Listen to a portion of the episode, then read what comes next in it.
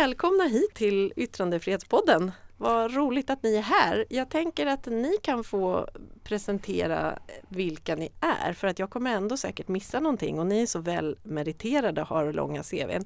Om vi börjar med dig Madeleine. Ja, tack för att jag får komma hit. Eh, Madeleine Seitlitz heter jag och jag är jurist och har arbetat eh, många år med eh, frågor kring flykting och migration. Så det är, eh, det är min specialitet. Och jag arbetar nu också sedan ett antal år på Amnesty, även om det inte är därför eh, jag är här. Just det, för du är också nu för tiden styrelseledamot i Svenska PEN. Just, precis. Mm. Och så Nils Funke. Ja, journalist, debattör, tryckfrihetsexpert säger en del. Mm. Vad det nu innebär. Det är ju ingen titel i någon mer eh, bemärkelse som advokat eller sådär. Men Nej. jag har intresserat mig för de här frågorna och jag har kommit in så att säga från den praktiska sidan i det här. Börja som reporter utan den minsta kunskap om eh, eller ja, lite kunskap men eh, om offentlighetsprincipen och mm. tryck och yttrandefrihetsfrågorna. Mm. Och sen har jag blivit så fascinerad av detta rättsfält så jag har bara fortsatt och fortsatt. Mm. Ja, och jag tänker att du, då, jag är väl som du var i början då kanske och jag är ju inte ens utbildad journalist. Kerstin Almegård, ordförande i Svenska PEN är jag och jag är ju inte ens journalist som sagt och absolut inte jurist utan jag är en simpel förläggare. Men har ju också varit intresserad av yttrandefrihet och tryckfrihet i massor med år. Eh, och är ju verkligen lekman från början så att jag tycker själv att det här är svåra frågor och superintressanta. Och man kan ju verkligen vända och vrida på, på det här i all oändlighet. Mm. Och det känns som att nu på senare tid så är det ju fler och fler av tryckfrihets och yttrandefrihetsfrågor som har ställts på sin spets, mm. eller hur? Ja, verkligen. Jo, så är det. Och, och, vända och vrida, det är ju det som är själva tanken med den utredningstradition vi har här i Sverige. Mm. Att när det gäller just opinionsfriheterna som ju då är grundlagsfästa både i regeringsformen och därtill då i våra två yttrandefrihetsgrundlagar. Mm. Eh, så är ju tanken att det ska liksom få ta tid att utreda det och man ska mm. vrida och vända mm. på det. Och sen då ska riksdagen, konstitutionsutskottet vrida och vända på det och det ska då tas med två beslut med ett mellanliggande val eftersom det då ska vara lite den ska vara trögrörlig den här massan. Mm.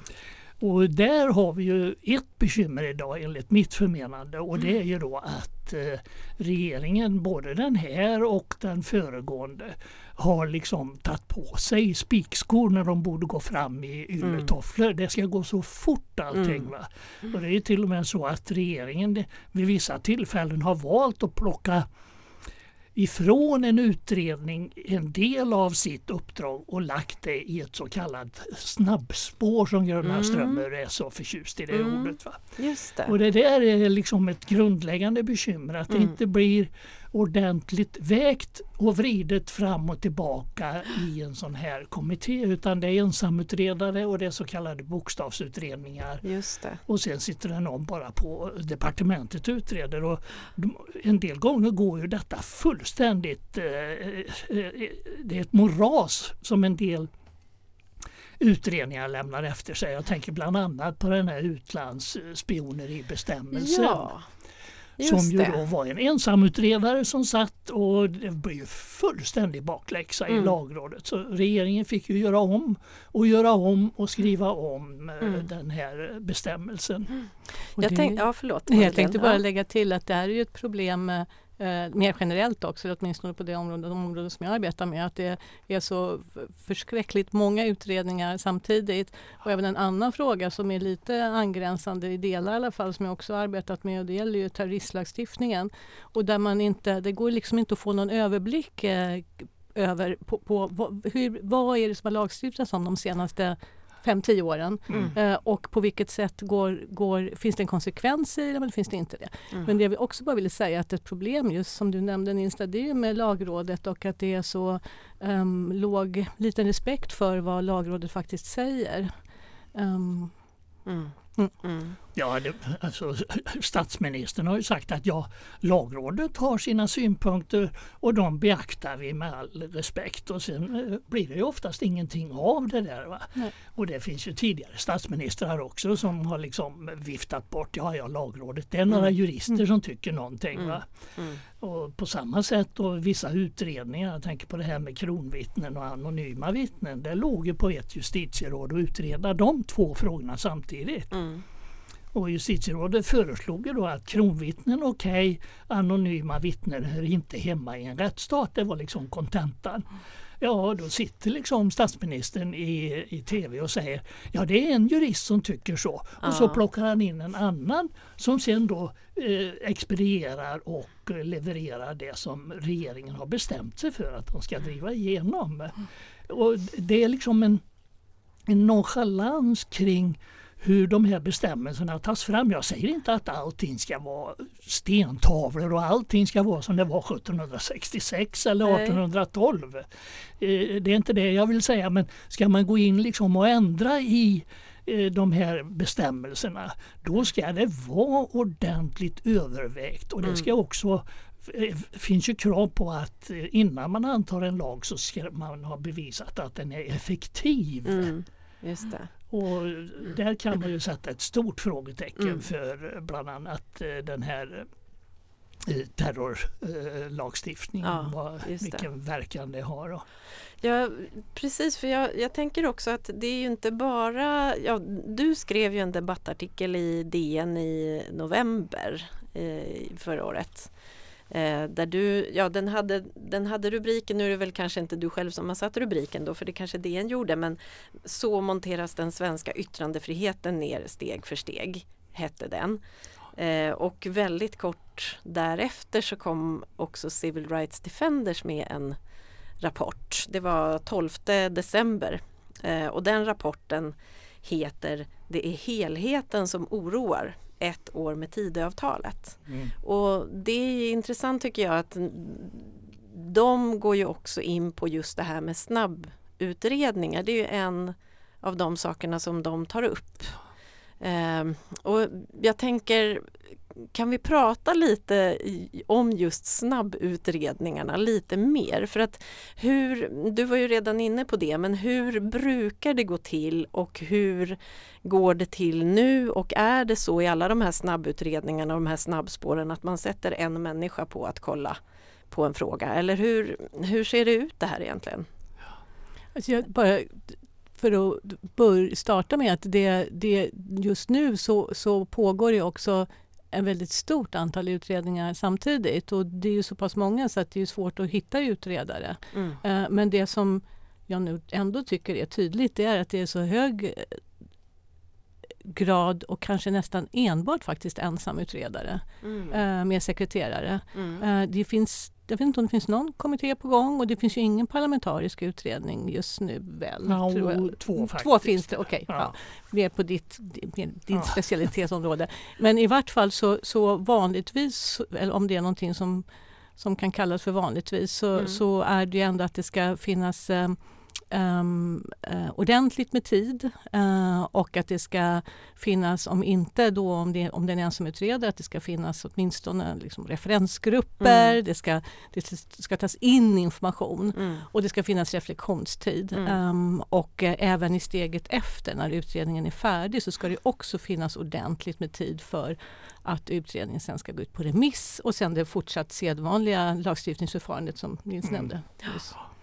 Ja, och där har mm. vi ju mm. sett en tendens att remisstiderna kortas. Ja, ja. Mm. Det finns ju skräckexempel mm. på det. Där en, en vecka ja. och, och, dessutom då några helgdagar under tiden däremellan. Mm. Och det är ju inte att visa respekt för lagstiftning överlag. Och i synnerhet inte om det då berör opinionsfriheterna. Då, då, då, då ska man ju ta det lugnt. Va? Och mm. Man ska ta det lugnt genom hela den här processen och man ska också visa respekt för, för eh, lagrådets synpunkter. Det finns ju exempel när lagrådet har fått ett utkast först och sagt att det här det går inte, ni måste ändra på regeringsformen först. Det gällde terrorismlagen och mm. föreningsfriheten. Och då fick man ju gå tillbaka och så börja med grundlagsändringen och så tog man fram ett nytt eh, förslag som då lagrådet sa att det här behöver inte ligga till grund för, för lagstiftning. Och lik förbenat så kommer det liksom en proposition till riksdagen och sen glider den igenom där. Och eh, där måste jag säga, många gånger har jag blivit väldigt besviken på eh, konstitutionsutskottet och även riksdagen överlag att man liksom inte tar de här frågorna på, på större allvar. Ett konkret exempel på det är ju eh, Liberalernas eh, hållning när det gällde utlandsspioneri. Mm. Första vändan det var uppe i i, i riksdagens i utskottet så skrev Johan Persson, han blev ordförande senare då, så skrev ju han en mycket principiellt hållen reservation Eh, kring, eh, kring det här. Mm. Och sen så när, man då, när han då kommer in i, i regeringen och eh, så svänger de helt enkelt mm. helt och hållet kring, kring det här. Mm. Och då röstar de för det som de då på principiella grunder har avvisat tidigare. Just det. Och då, då blir man liksom lite beklämd över mm. hur, hur hur lättflyktiga eller lättviktiga de här principerna mm. är när man sen då eh, vill hålla god sämja inom en, mm. en regering så mm. struntar man i, i de här principerna. Ja. Eller rättare sagt, om man inte struntar i dem så, så tonar man ändå ner dem. Mm. Och det är ju som du sa här alltså att det, eh, Madeleine, eh, att det är fullständigt hopplöst att hålla ordning på alla dessa utredningar. Och jag skrev just i den där DN-artikeln ja. att det är jättesvårt att se skogen för alla träd. Mm. För det liksom kommer en utredning här och där och jag har ju alltid inbillat mig att jag har haft hyfsat koll på det här. Va? Men ibland har det liksom bara funnits en utredning. Mm. Oj då, hur kom den där till? Mm. Och sen får man gå tillbaka och, och försöka se hur, hur läsa i direktiven och sen i utredningen. Men mm. alltså en större respekt för lagstiftningsprocessen överhuvudtaget och inte minst då när det gäller opinionsfriheterna. Mm, just det. Ja och eh, just apropå utlandsspionerilagen som ju du också tar upp i din artikel. Där går det Går det att kort förklara vad den går ut på? För att jag själv förstår inte eh, vad den, hur ska den kunna tillämpas? Den är urknepig, i princip mm. obegriplig skulle jag säga. Är det jag som är ovanligt dum eller eh, ja, vad, vad handlar detta om? Mm. Nej, alltså I grunden är det naturligtvis så att Sverige som en liten nation, vi är ju beroende av att kunna samarbeta med andra länder och internationella organisationer eller eh, FN, NATO är ju på gång nu också och EU inte minst. Va?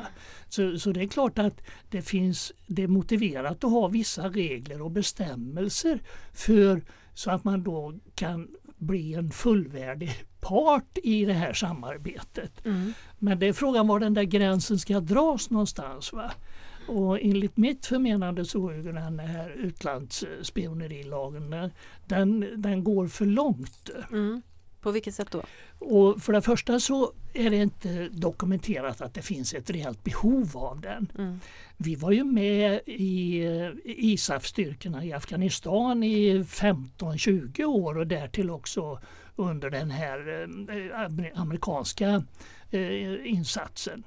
Eh, och då tänker man liksom att den som då sitter och utreder införandet av restriktioner när det gäller då att kunna lämna uppgifter om missförhållanden inom ett sånt här internationellt samarbete skulle åtminstone kunna hitta något litet exempel ifrån alla dessa år, alla mm. dessa manår som vi då har varit med i, i det här samarbetet. Har man inte gjort det då? Nej. Nej. Det finns två exempel i, i utredningsmaterialet som inte alls har något samband med det här utan det handlar bland annat om en officerare som har druttat runt med ett USB-minne på ett bibliotek med hemliga uppgifter. Mm. Men inte just det här. Och finns det inte ett dokumenterat behov så ska man då inte ge sig in i och rubba en av de allra viktigaste delarna av hela yttrandefrihetsregleringen, nämligen meddelarfriheten. Att personer som då på något sätt eh, blir varsle att det pågår eh, övergrepp eh, mot civilbefolkningen eller misshushållning med resurser eller så. Att det ska då kunna så att säga omflytta ut, alltså det ska bli allmänt känt att det här pågår. Mm. Och är det då så att man lägger straffbelägger och gör undantag för meddelarfriheten, alltså mm. rätten att anonymt lämna uppgifter till medier som omfattas av TFYGL. Mm. Är det då så att man äh, går in och säger att ja, i det här fallet så är det kriminellt att lämna hemliga uppgifter som då kan störa det här samarbetet. Mm. Det är klart att det där lägger som en våt filt över alla personer som, som då stöter på sådana här missförhållanden. Utan då, ja. då krävs ju ett oerhört civilkurage mm. redan idag för att då gå ut och berätta om mm. det här. Eh, Anders Kompass är ju ett exempel på, på en person som då eh, inte kan freda eller inte får frid så att säga mm. Eh, och, och, och, har sådana samvetsbetänkligheter över det han har sett att han då rapporterar detta internt. Mm. Och det gick ju honom illa. Mm. Och alla sådana exempel bidrar ju till att uppgifter som faktiskt borde komma fram aldrig kommer fram utan de eh, hamnar i någon, möjligtvis någon intern utredning och så läggs det mm. liksom en sekretesstämpel på, på det där. Mm. Och här går man nu in och säger då att hemliga uppgifter som då förekommer inom det här internationella samarbetet eh, som då görs offentliga och som då stör det här samarbetet. Det är straffbart mm. såvida det inte är försvarligt. Just det. Men det, är väl, det är också problem, det här är väl ett exempel på en, en, en röd tråd i alla fall som, som, som vi kan se just nu och det är ju både att brist på nödvändighet men också brist på konsekvensanalyser och, och lagstiftning och lag och eh, enligt rättsstatens principer så ska ju lagar vara um, förut, det ska vara förutsebart. Jag ska kunna veta mm. ungefär uh, vilket beteende som gör att jag ha, uh, kommer att begå en kriminell handling. Och det går inte mm. i exempelvis den här lagstiftningen. I Nej, det, och, det, och, det, finns andra exempel mm. på utredningar där mm. utredningsdirektiven också just talar om, om svenska värderingar, um, svenska intressen på ett sätt som, som, som, som är väldigt grumligt därför det finns inga definitioner på, på begreppen uh, och vad de innebär. Just det. Mm. Ja, där har du ett exempel med det här hedligt levnadssätt. Ja. ja.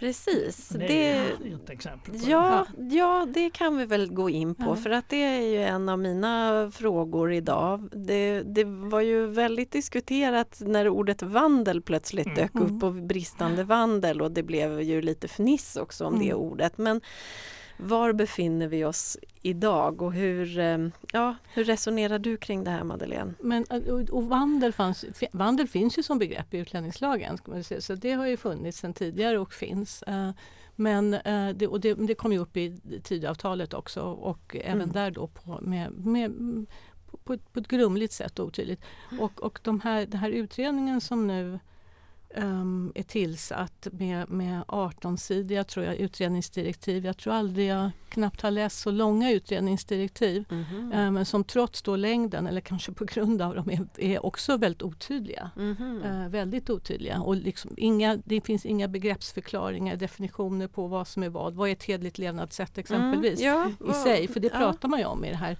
Utredningsdirektiven går ju ut på egentligen kan man säga som så mycket annan, andra direktiv nu för tiden um, där man inte kanske kan se nödvändigheten av lagstiftning och, och då väcks ju frågan om det här är eh, också även det här är signalpolitik som så mycket är. Därför att utredningsdirektiven går ut på att eh, att se till på vilka olika sätt, eh, undersöka på vilka olika sätt går det att få eh, kunna återkalla fler uppehållstillstånd från människor som mm. har uppehållstillstånd i Sverige eller neka fler människor uppehållstillstånd i Sverige eh, och få fler att ja, kanske till och med återvandra, även om man inte pratar om just återvandring i de här direktiven. Men det är alltså färre människor ska hit och färre av dem som är här ska också um, få, få, fortsätta att vara här. Mm. Um, och, och, det gör man då på med, med, med direktiv till den här utredaren att titta på, se över på vilka sätt exempelvis eh, ja, men personer då inte har ett hedligt levnadssätt. Och mm. utöver då de mer naturliga bitarna som är ren kriminalitet eller så, mm. så, så, finns det även eh, då um, begrepp, eller man, man pratar om en miljö som hotar grundläggande svenska, grundläggande svenska värderingar. Mm. Om du tillhör en sån miljö och det kan ju vara eh, jättemånga olika värderingar beroende på vilka glasögon vi har på oss mm. um, förstås. För de svenska värderingarna är inte definierade? Svenska värderingar är inte, är inte, inte heller definierade, inte hedligt levnadssätt. Um, och det här är alltså grundläggande svenska värderingar utöver då vanlig så att säga, kriminalitet, um, mm. um, våldsbejakande, extremism och så vidare. Mm. Uh, och så pratar man om, om då beteenden som allvarligt hotar grundläggande svenska värderingar. Så den typen av begrepp använder mm. man sig av på väldigt många ställen utan att definiera dem.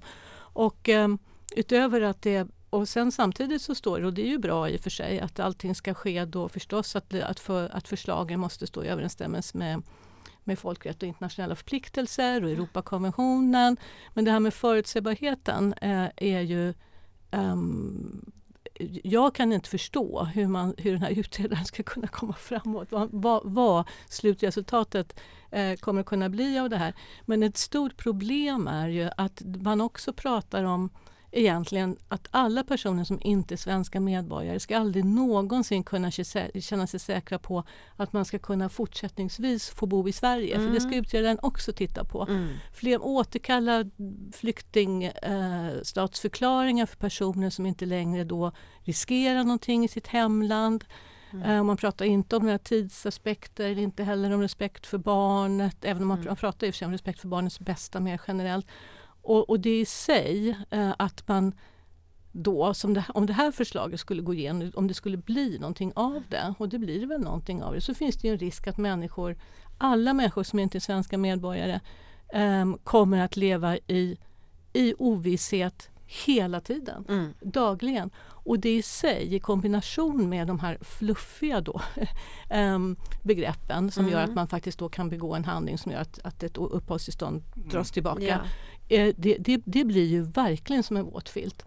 Eh, det, blir, det omöjliggör ju möjligheten för människor som kommer från andra länder som inte är svenska medborgare att överhuvudtaget använda sig, få utnyttja sina grundläggande mänskliga rättigheter. Mm. Och det i sig är ju också kopplat till rättsstatsprinciper. Inte bara att det ska finnas rättigheter i en konstitution, i en grundlag, utan att man också ska kunna använda sig av dem. Just det.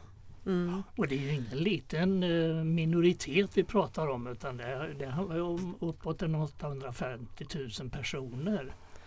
Ungefär ja. 8 procent av de boende i Sverige som inte är svenska medborgare. Så det är, mm. en, det är en stor uh, grupp det här. Va?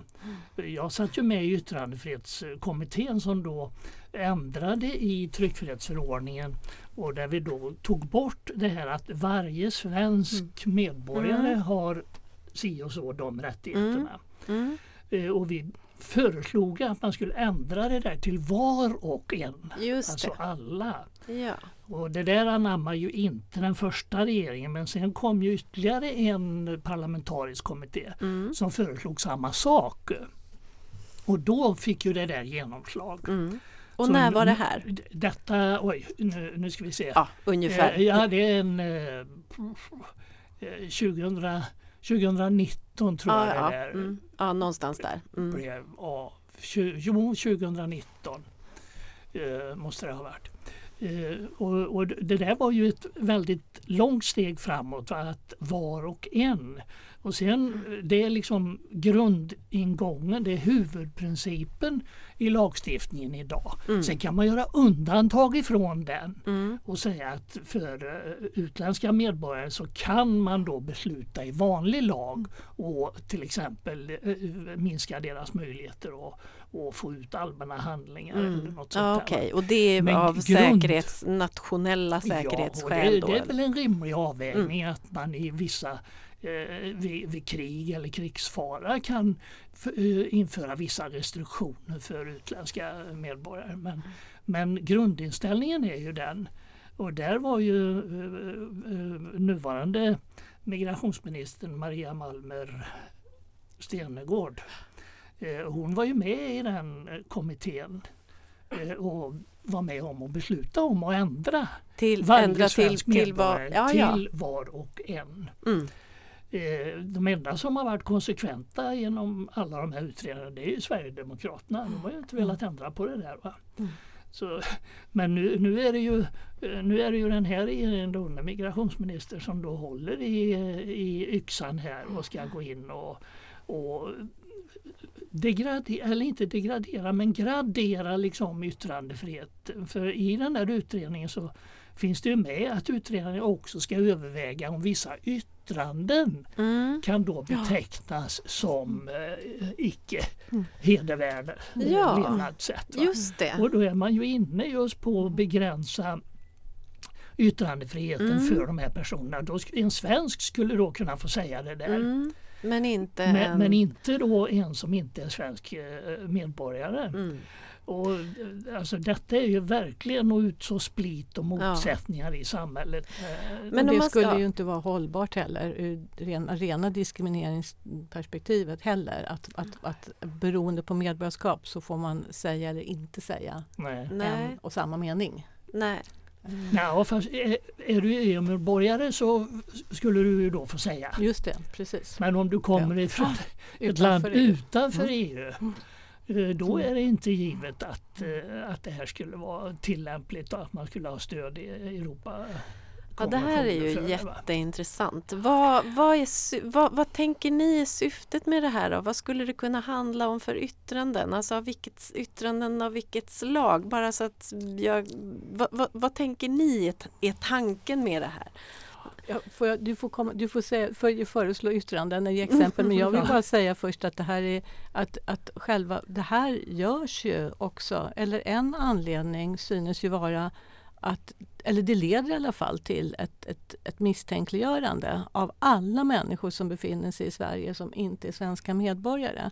Det blir ett vi och dem, eh, vilket i sig är oerhört allvarligt och står i, diametral motsats till det som alla vet är det bästa sättet att nå ehm, en god, det som alla pratar om, integration. Mm. Nämligen lika behandling eh, och att det inte är ett vi och dem utan är ett vi. Mm. Så att, eh, med, med tanke på det så känns ju, upplever jag att detta är signalpolitik Mm. eh, i så hög utsträckning och att man slänger över ett misstänkliggörande på en grupp eh, människor. Ja, alltså jag har ju inga som helst bekymmer med att eh, icke-svenska medborgare som begår brott här i Sverige ska ha sitt straff och sen ska de ut ur riket. Och det pratar vi inte om nu. Nej.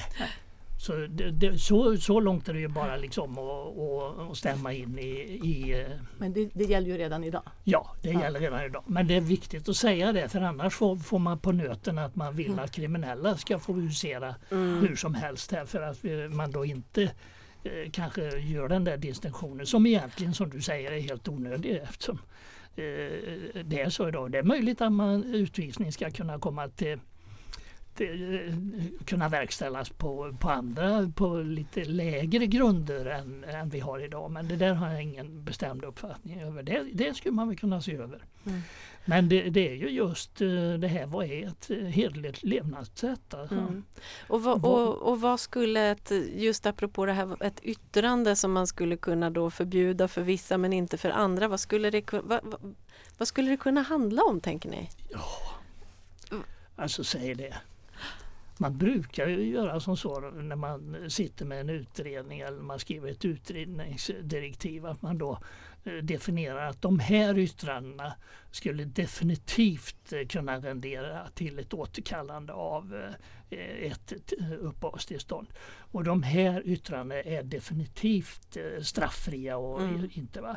och sen blir det ju naturligtvis en gråskala däremellan. Vad går liksom snittet mm. när, när det då ska trilla åt ena eller andra hållet? Och det där är ju ganska omöjligt att och liksom definiera den här äh, äh, gränsen utan där får man ju som en utredning så får man ju då tala om att sådana här yttranden skulle definitivt rendera till det och sen får ju då domstolarna pröva pröva det där var gränsen ska gå. Det utmejslas ju då i praxis eh, istället. Va? Men, men regeringen här har ju inte något förslag på att sådana här yttranden, det och det skulle kunna eh, vara straffbart. Jag vet mm. inte, det, de här parollerna om, om Palestina, ska det liksom vara tillräckligt? Eh, hets mot folkgrupp är det en del som pratar om. Mm. Att eh, det kanske skulle kunna vara vara eh, var yttranden som även om de inte når upp till, till, eh, till så att det blir straffbart kanske skulle kunna rendera då att man demonstrerar för Palestina eller, eller ja, alltså, vi vet ju inte var Nej. det här kommer att landa Nej, någonstans. Nej. Madeleine, du skulle Nej, jag säga tänkte någonting. Problemet är just att Eh, eftersom det är så otydligt och även om det kommer då konkreta förslag som, som det ju tog det komma, alltså på vad, vad det är specifikt vi mm. pratar om, mm. eh, så kom, skulle ju det i sig innebära en, eh, att, eh, att man eh, att människor inte vågar mm. igen. Man kommer inte våga använda sig av sin yttrandefrihet mm. exempelvis. Mm. och därför blir, kommer skulle det också bli problematiskt tror jag med vad gäller praxis från domstolar och så vidare.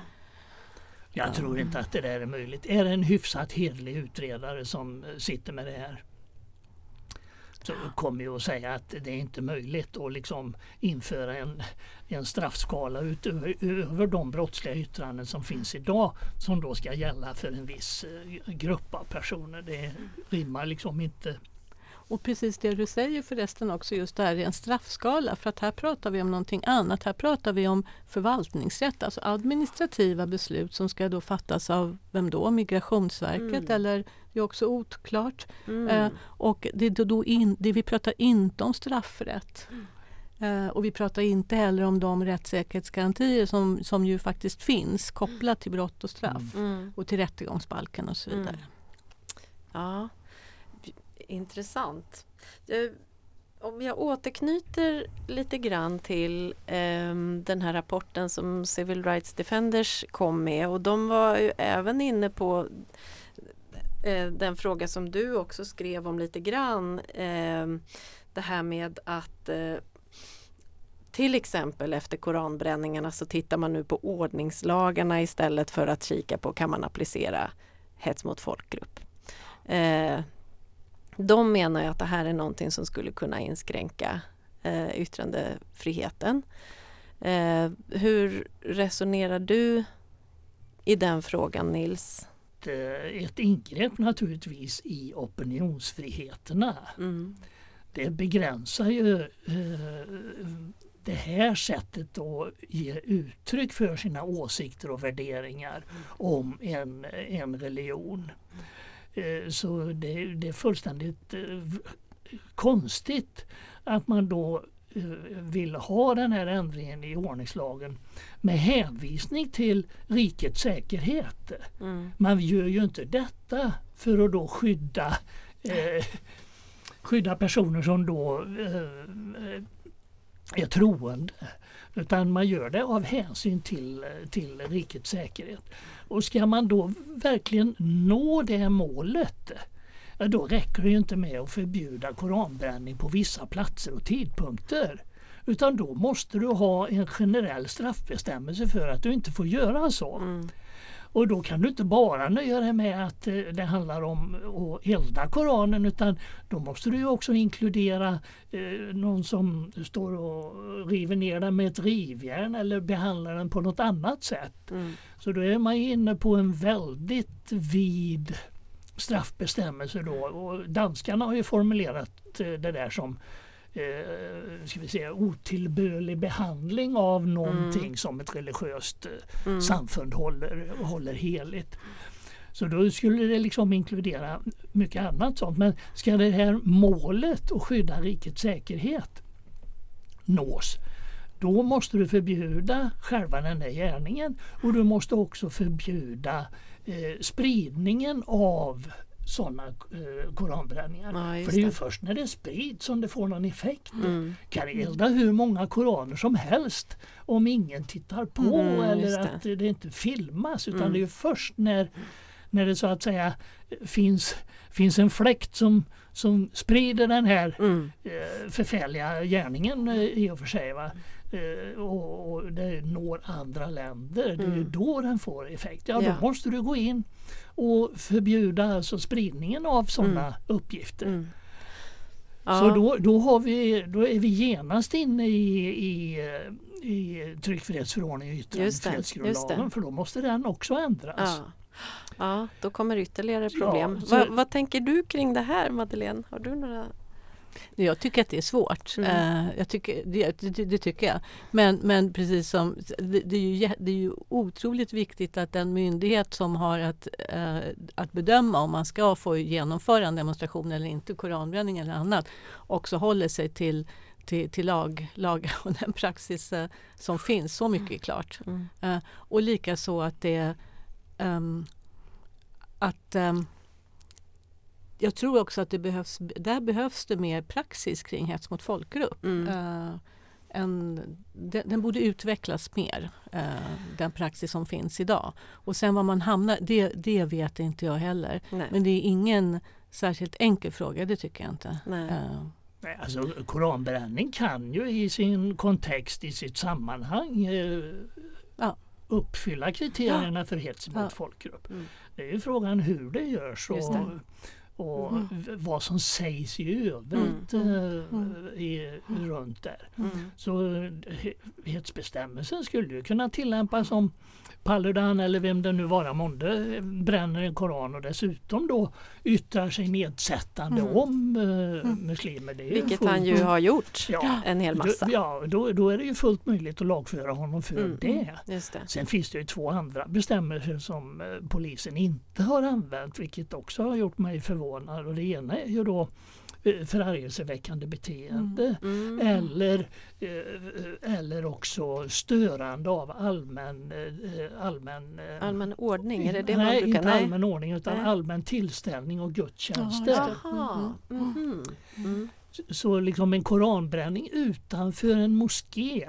Om det står någon där på, på vägen som de, där de då måste passera och bränner en koran. Det skulle ju mycket väl kunna vara förargelseväckande Mm. beteende och kunna lagföras på det sättet. Och skulle man då få praxis för det, ja då har du åtminstone fått bort koranbränningar vid vissa platser vid vissa tidpunkter. Mm. Och då kanske det behövs att polis och åklagare mer eh, går vidare med, med fler olika... det, ja, fall ju, kanske. det är ju ingen som har blivit, uh, blivit eh, lagförd för Nej. de här. Det är ju i och för sig låga straff på det Mm. men bara det att du skulle få ett uh, sådant principfall genom en, en eh, domstol om, så skulle du kunna använda det sen för att fly, lyfta bort Mm. de personer som då står utanför en moské eller för Mm. den delen utanför en synagoga eller utanför eh, Svenska kyrkan på kyrkbacken och Mm. river sönder Bibeln eller Mm. vad det nu kan vara.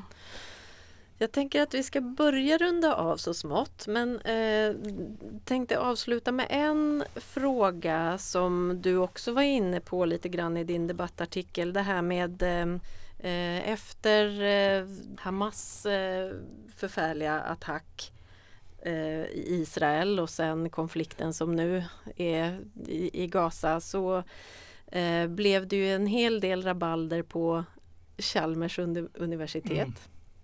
och Chalmers rektor eh, förbjöd opinionsyttranden Mm. på campus.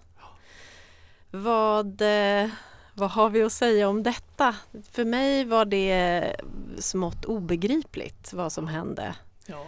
Eh, Madeleine, har du, vad tänkte du när du läste den nyheten? Jag blev mycket förvånad. Eh, och, och sen så följde ju, kom det sen förklaringar som, det, det är klart att man ska kunna, att man ska kunna, man måste värna studenternas säkerhet och så vidare. Men eh, ehm, om det skulle va- vara, nej jag blev jätteförvånad och, och, och det, det, det är någonting också med den tid vi lever i som, som gör att, att Mm. vissa saker får sticka ut och att alla liksom dras med i det här och det händer saker som inte borde få hända. Ehm, ja. Ja, nej, alltså jag har inga bekymmer om rektorn säger att vi ska inte ha några, några demonstrationer i korridorerna där folk går med plakat och skanderar talkörer. Det hör inte hemma. Men däremot så sträcktes ju det här ännu längre än till till sådana manifestationer. Man fick gärna sitta och prata var och en i sin bubbla, bara ingen annan kunde uppfatta vad som sades där. Ja, Så det, det, det, nej, det där var oerhört märkligt. Är det någonstans den eh, nivån för diskussionen måste vara hög så är det ju inom eh, våra läroanstalter och i synnerhet på ett universitet. ja, ja det, som förvånade, det ja det som förvånade mig mest var nog egentligen att utbildningsministern också backade upp Just det. Chalmers eh, rektor, utbildningsminister Mats Persson. Mm. Eh, vad säger ni om det? Han tyckte att eh, universitet och högskolor borde istället ägna sig åt sin kärnverksamhet, utbildning och forskning.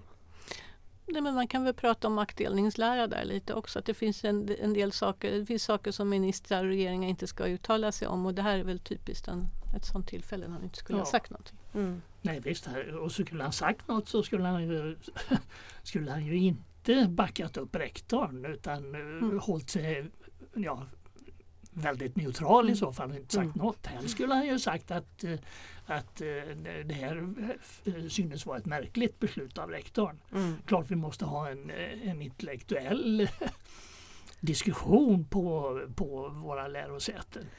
Men det där är, han svängde ju sen rektorn. Mm. Jag tror efter Ja. fyra, fem Mm. dagar så tog han ju tillbaka det Mm. där. Och jag vet ju att det var ju väldig opposition bland en hel del lärare och även studenter Mm. emot det här Mm. beslutet.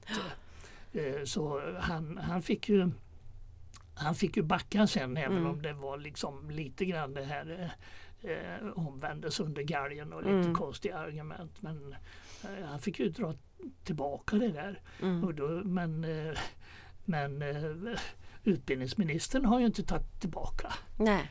Och, Nej. och just det där att politiker då kan ha en uppfattning rent generellt att vad, vad som utgör hets mot folkgrupp eller vad som är lämpligt eller inte lämpligt, det är en sak. Men när en minister går in, precis som du är inne på, går in i ett sånt här konkret fall Mm. då har de liksom eh, överträtt, eh, överträtt det som åtminstone är en oskriven lag för ministrar. Och det gällde ju även Ulf Kristersson med anledning av den här manifestationen med Erdogan-dockan i januari. Mm. Eh, Han gick ut och han tog i så han sprack alltså. Det utgjorde liksom en risk för Sveriges säkerhet och det var exceptionellt att en sån här gärning kunde få ske etc. Va? Och jag bara tog mig för pannan när han då uh, la sig i det här på, på det sättet. För det var ju en, en direkt, och är det liksom den nivån de har tänkt sig när det gäller att det skulle vara eh, eh, överträdelse av ett hedligt levnadssätt och hissa upp en docka av en statschef Mm. eh, för att då manifestera eller ge uttryck för en viss åsikt. Är det det som då ska kunna rendera till att vi kan, ska kunna återkalla eh, uppehållstillstånd här?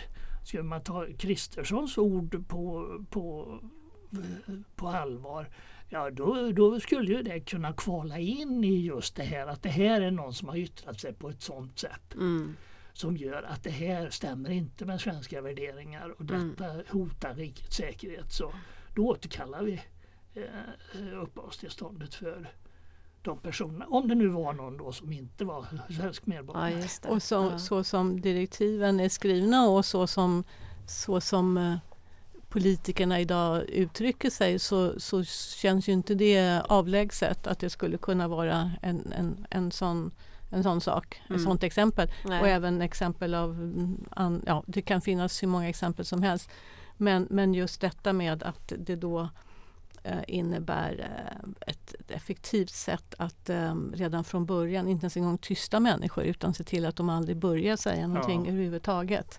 Eh, så länge åtminstone man då inte är svensk medborgare. Ja. ju- Nej men alltså när ministrar går ut och, och säger att vissa slagord utgör hets emot folkgrupp. Mm.